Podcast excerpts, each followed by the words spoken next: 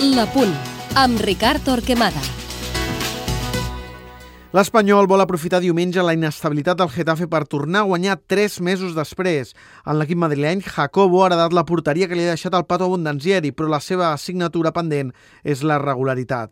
Contra protegeix la banda dreta amb experiència i sense tantes aventures ofensives, mentre que Lich és sòlid a l'altra banda i ajuda en la sortida de la pilota. La contundència de Cas i la velocitat de Mario combinen bé a l'eix de la defensa. Per davant, Polanski és agressiu, ocupa molt espai i dona oxigen a l'equip, mentre que Esquero té llibertat per despenjar-se des de la segona línia, explotant els múltiples recursos en la rematada a distància amb les dues cames.